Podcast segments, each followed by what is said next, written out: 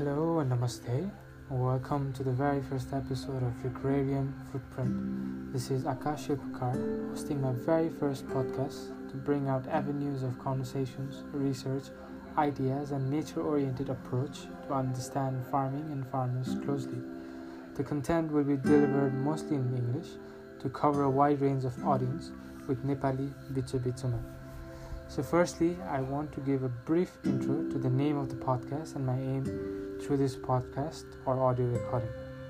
Agrarian is a term that is derived from the word agrarian, which is the philosophy of agricultural societies which prevailed before industrial revolution.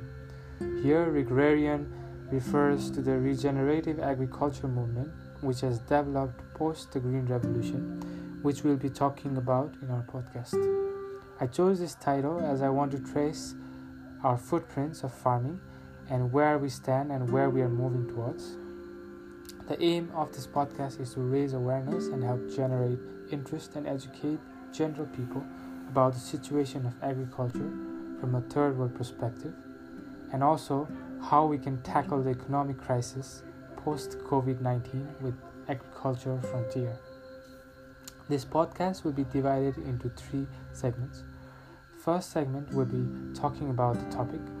Topic will mostly follow the agriculture journey before and after Green Revolution, and I'll try my best to bring true facts and statistics to this podcast and help listeners to uh, really understand the whole food system of the world. This will also mean we will be talking about different aspects, what and how we can take agriculture post COVID 19 and see a very agricultural way of living with technology. Uh, second segment, we'll be linking agriculture with different sectors which directly or indirectly affect it.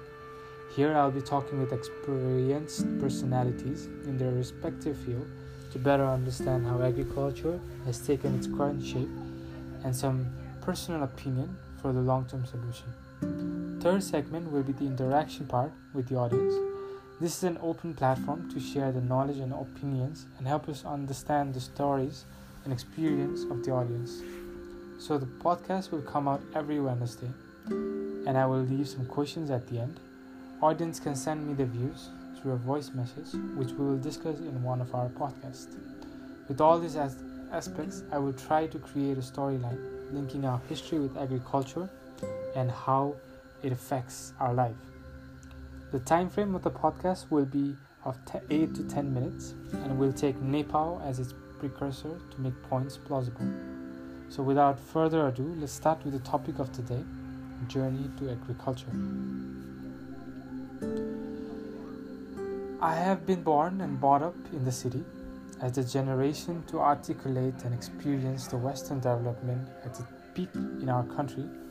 I grew up with values equally from the East and the West.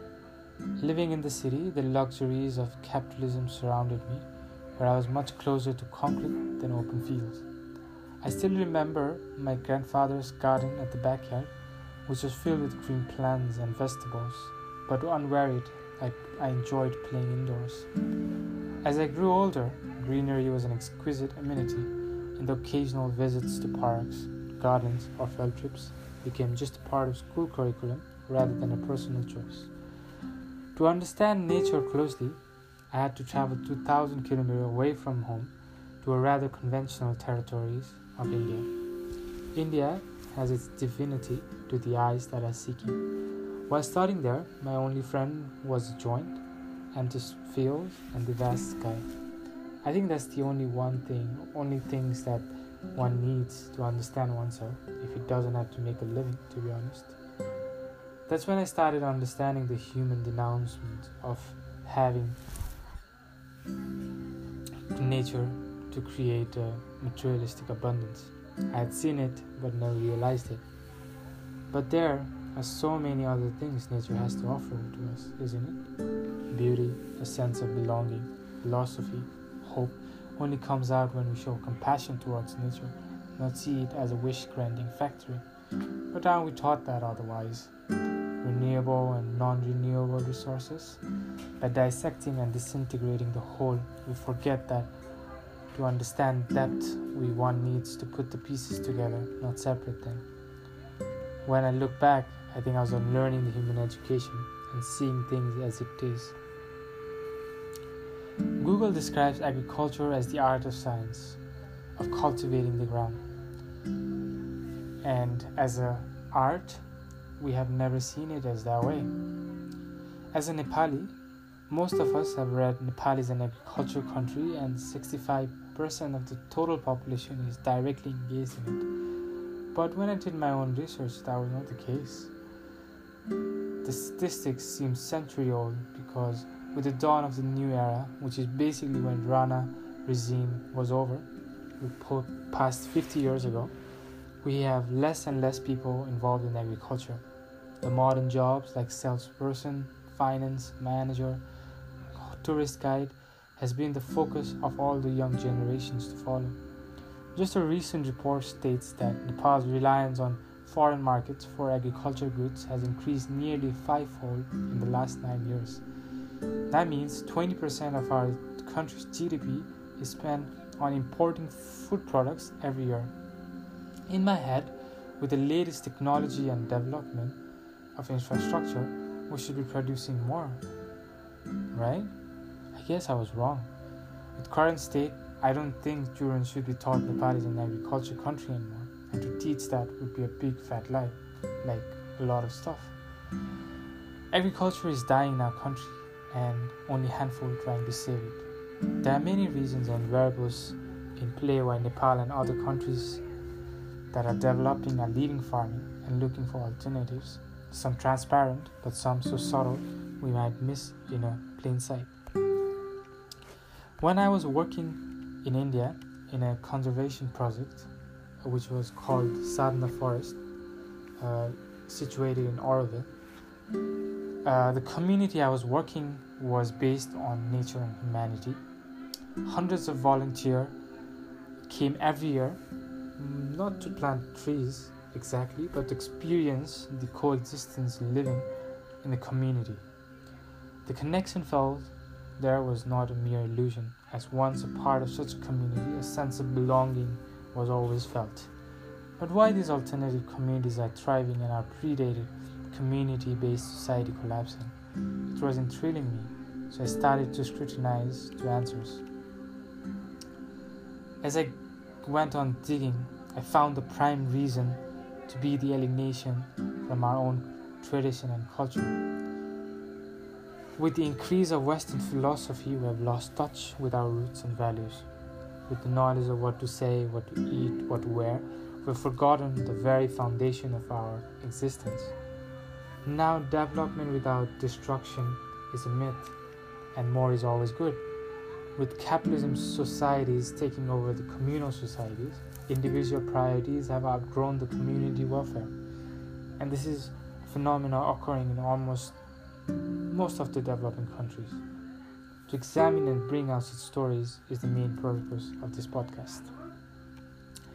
Agriculture is a billion dollar business around the globe, and a lot of decisions taken at one part of the world shifts the whole food system at the other part of the world as the whole world is going global. The whole divide and conquer mindset has been passed down to us through our education system and as any good old slave, we're following the footsteps slowly towards our grave. I've been working in different farms and communities with different indigenous people and trying to understand agriculture for nearly three years. Now I know it's a very short period of time, but sharing is one of the most important things I've learned in my journey.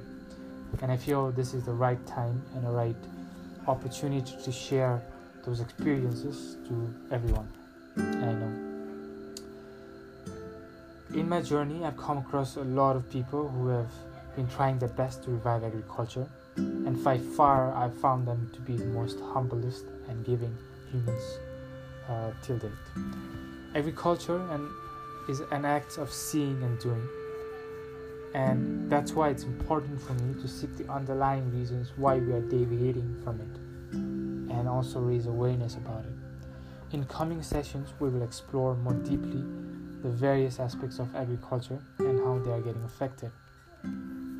My journey to understanding agriculture has just started. The ideas and facts I bring out are mostly said and done by other personalities who are miles ahead of me on this journey. I'm glad to have their guides along with my my goal is to showcase and bring justice to ag- agricultural values, not the ones we see and hear, the hardship and suicides that exist, but the subtle stories which are important for our survival. With the synergy of indigenous integrity, traditional values, and modern technology, I think we can bring agriculture back to our backyard and take full food sovereignty in our hand. For me, agriculture is not a business. Remember, it's an art form, a way to live with nature which everyone needs to learn. So that's it for today. As this is an introductory episode, I, I have kept the views to myself. I believe it's important to know the narrator before he narrates his story. Let me know what you think about the episode and leave me feedbacks and, and questions you may have. I'll be back with new chapter of agriculture next week, so please stay tuned. But before leaving, here are some questions to find some time for them. What is your view on agriculture? Have you ever tried growing your food? Tell us your experience. Do you have any agriculture related story? Namaste.